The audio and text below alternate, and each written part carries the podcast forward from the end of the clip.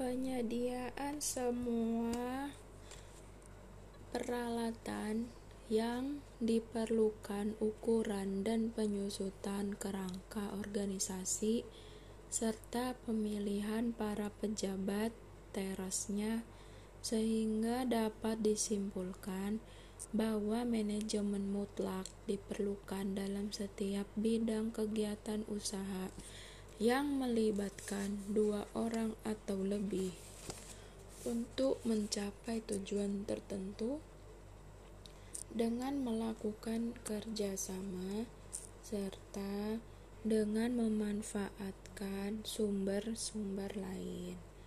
Administrasi terdiri atas organisasi dan manajemen. Berdasarkan pendapatan tersebut, administrasi mempunyai arti yang lebih luas daripada manajemen, yaitu